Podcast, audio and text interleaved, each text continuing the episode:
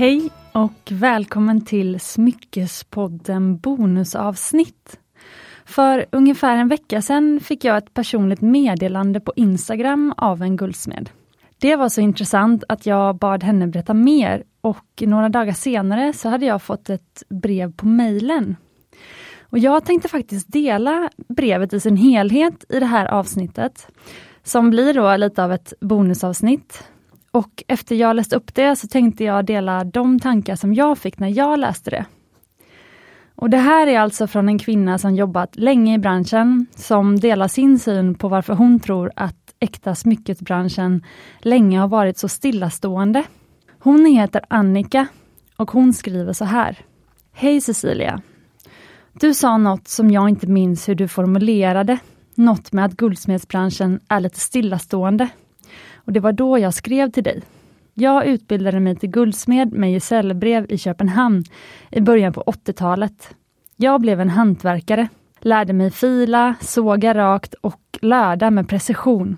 Med den utbildningen kan man få en anställning på en verkstad och utföra tillverkning och reparationer av smycken. Efter det fanns det då en utbildning som hette Guldsmedshögskolan i Köpenhamn. Den var två år och de tog endast in utbildade guldsmeder med gesällbrev. 16 stycken vartannat år. För en ren formgivningsutbildning. Det förväntades att vi skulle utveckla vårt egna formspråk. Det var uttalat att vi skulle göra något som inte var gjort förut. Jag vet, allt är redan gjort. Jag visste tidigt att det var färg jag ville få in i mina smycken och började med att måla delar i billack. Det låg mig nära, för jag hade byggt en motorcykel och är uppväxt i en familj där det meckats med bilar jämt. Guldsmeden har ju den fantastiska emaljen att arbeta med. Men det är en helt egen konst som jag inte var så intresserad av. Man är väldigt begränsad av tekniska saker med emaljen, som bilacken och senare koloriten som är ett plastmaterial, gav mig en annan frihet med. Varför drar jag allt det här? Jo, för att jag tycker det finns två läger. Antingen är man utbildad guldsmed, eller så är man konstnär med metall som material. Det här är min beskrivning. Tänk på att det finns säkert andra som inte delar min uppfattning. Jag tror att många utbildade guldsmeder har en förväntan på sig att vara konstnärliga, om vi använder det ordet. I Sverige har vi aldrig haft en formgivningsutbildning för guldsmeder. Här har man lärt sig arbeta med ädla stenar, guld och silver och blivit en duktig hantverkare. Punkt. Det finns absolut exempel på formgivare inom smyckesbranschen som jag tänker på. Till exempel Torun Belov Hube. Men hon gick på Konstfack. Konstfack är en formgivningsutbildning med metall som material. Jag är inte helt insatt i allting, men det har funnits perioder där, där facket varit inriktat på smycken. Det har, tror jag, styrts mycket av vem som varit lärare för stunden. Det har funnits tider då man utbildat silversmeder med gesällbrev. Och det har varit andra tider då man arbetat mer med skulpturer. Det har aldrig varit en designutbildning för guldsmeder så som det tydligt var i Köpenhamn. Men tillbaks till det stillastående. En del som jag tror det handlar om är att det kostar mycket pengar. Man har inte råd att köpa smycken som ska passa på samma sätt som man köper kläder. Det är inte så många gånger i livet man köper ett kostsamt smycke. Och då vill man försäkra sig om att det passar till allt, är skönt att bära, kanske lite tråkigt praktiskt. Man väljer också helst en diamant eftersom alla vet vad det är och kan se vad man haft råd med. Nu var jag lite sarkastisk, men diamanten är en statussymbol. Stor diamant är lika med mycket pengar, like it or not. Genom åren har jag utvecklats och har hela tiden sökt färgen som jag sa tidigare. Men nu på äldre dagar, jag är 57 år, så återvänder jag till de ädla stenarna med mycket färg. Ju större, ju bättre och roligare. Men jag säljer ingenting av det. Ofta kommer kunder in och tycker att det jag gjort är fint eller roligt eller snyggt, men väljer en diamant. Och jag tror att det är på grund av det jag skrev tidigare. Statussymbolen. Sen har jag ett ledord. Smycken handlar om känslor, som jag använder flitigt. Och det är precis så tycker jag. Ofta kommer kunden in och vill att jag ändrar en gammal ärvd ring. Då spelar det faktiskt ingen roll hur ringen ser ut. Det är ett minne att bära den. Där håller jag inte med dig om att man inte ska ta ur stenar ur gamla smycken, som du sa i något avsnitt. Enligt mig går det alldeles utmärkt för det mesta. Det finns såklart stenar man ska akta sig för. Smaragden till exempel. Man måste göra en avvägning från fall till fall.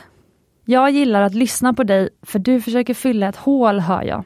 Och jag tror verkligen du och ni alla unga begåvade, smyckesintresserade kommer att ta den här lite stillastående branschen framåt.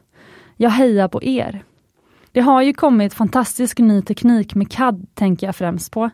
Där ni unga kommer att kunna tillverka smycken, kanske billigare och även nå former som handeln inte klarar av.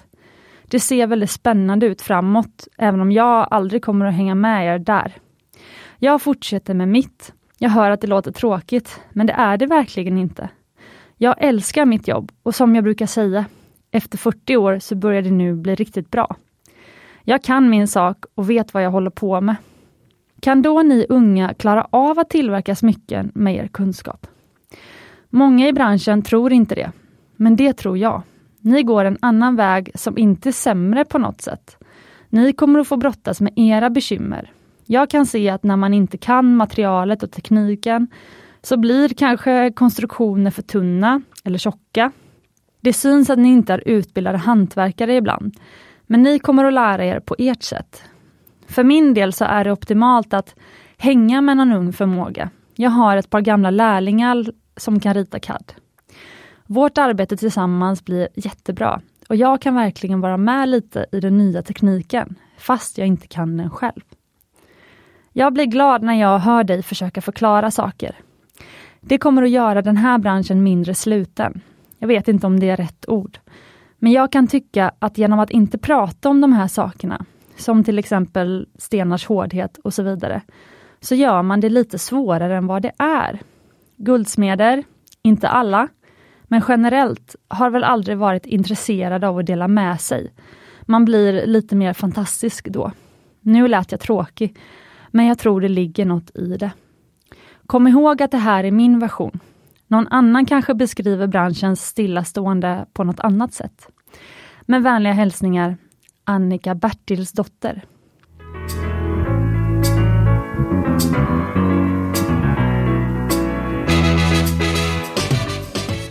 Jag tyckte det var så otroligt spännande att få det här mejlet.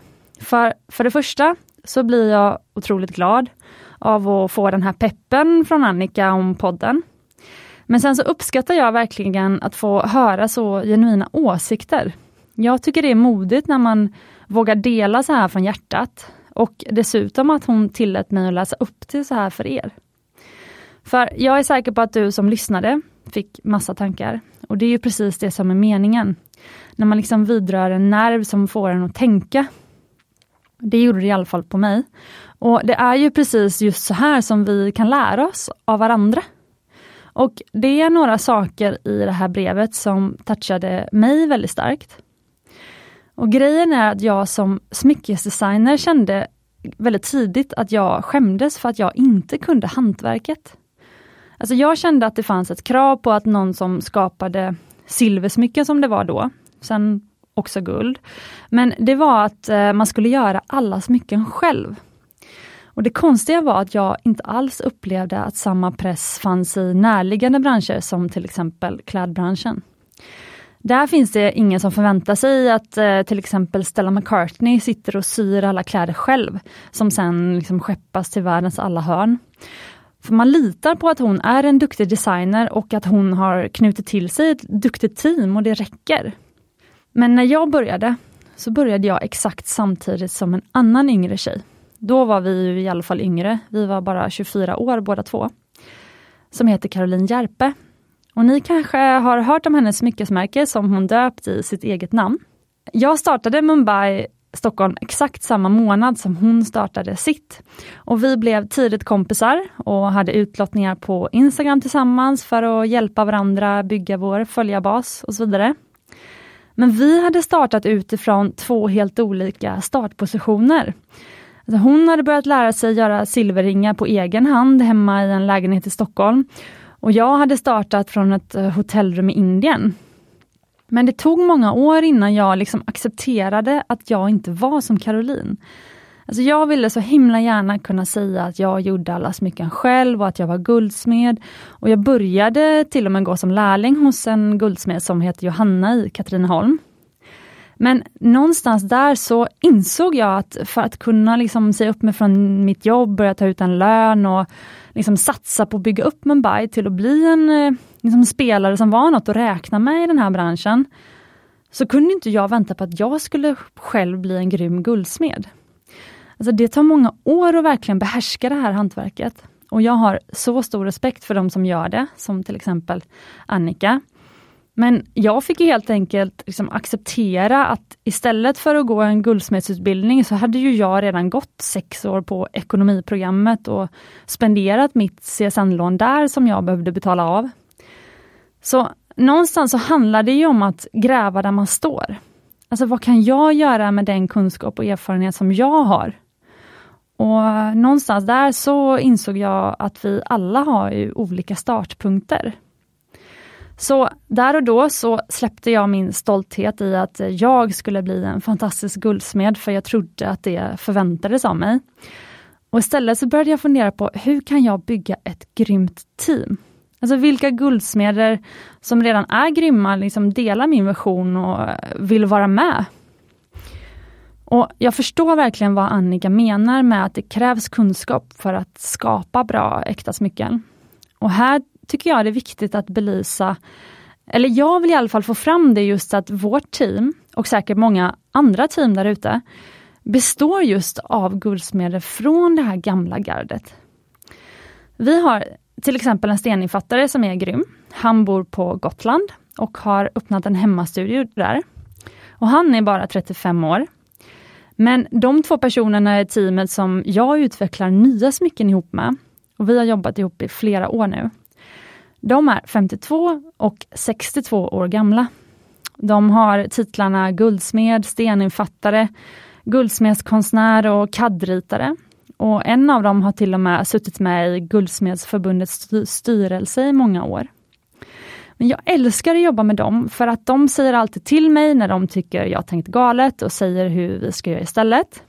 Men samtidigt så blir jag så glad när jag får höra från dem att de gillar att jobba med mig och Mumbai för att de tycker att vi är kreativa, vi tänker nytt och eh, lika inspirerade som liksom jag blir av dem, blir de av oss. Och våra kunder, Mumbais kunder, de är kunder som de själva aldrig hade haft. Till exempel hon som är en av guldsmederna, hon som är 62 år. Hon älskar att vara med på ett hörn hos oss som hon säger. För hon har liksom redan gjort sitt.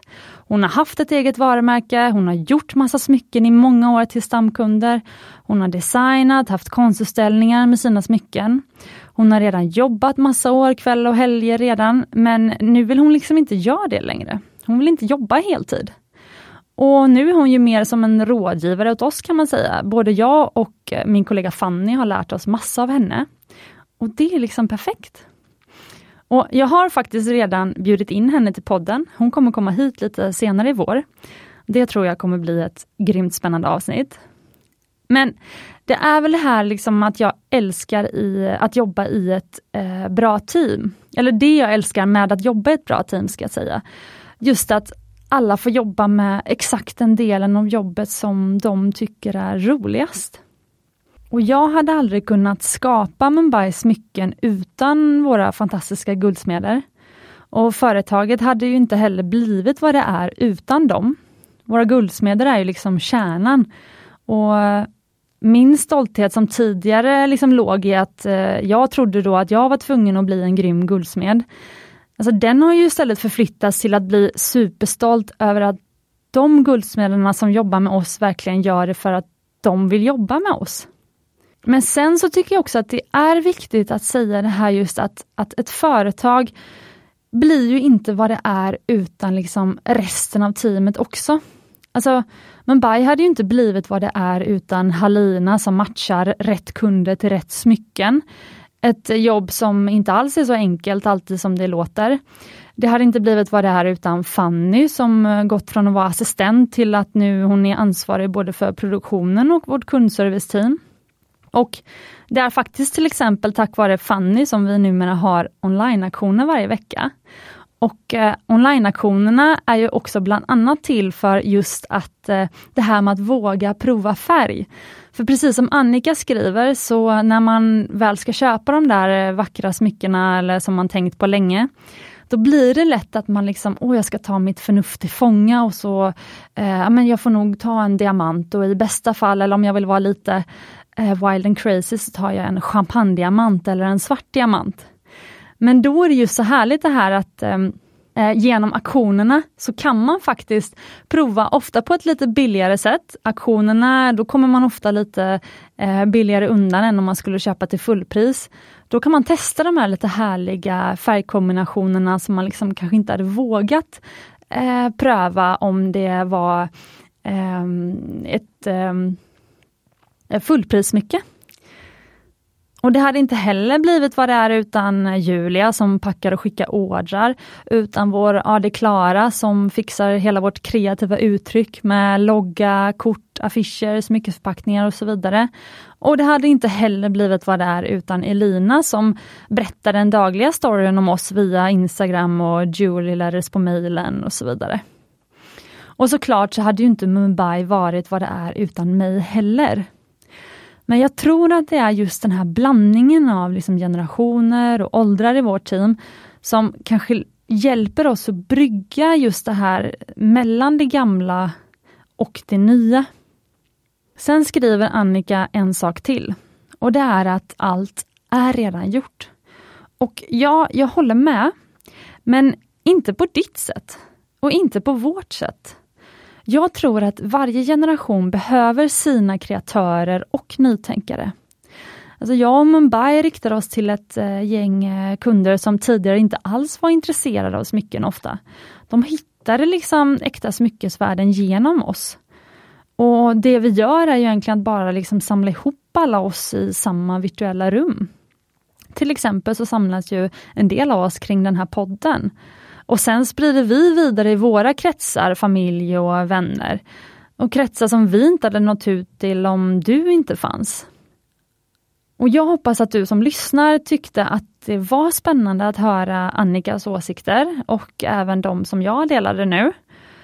Och tusen tack Annika för det här mejlet och tack för att jag fick eh, dela det i podden.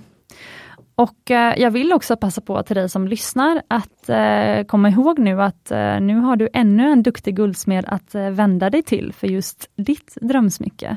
Och om du får några tankar eller funderingar precis så som Annika fick, så tveka inte att mejla mig eller ta kontakt med mig på Instagram, där jag heter The Jewelry Designer, eller skriva till Smyckespoddens egna Instagram, Smyckespodden. Och kanske delar jag även ditt brev i podden, om jag får.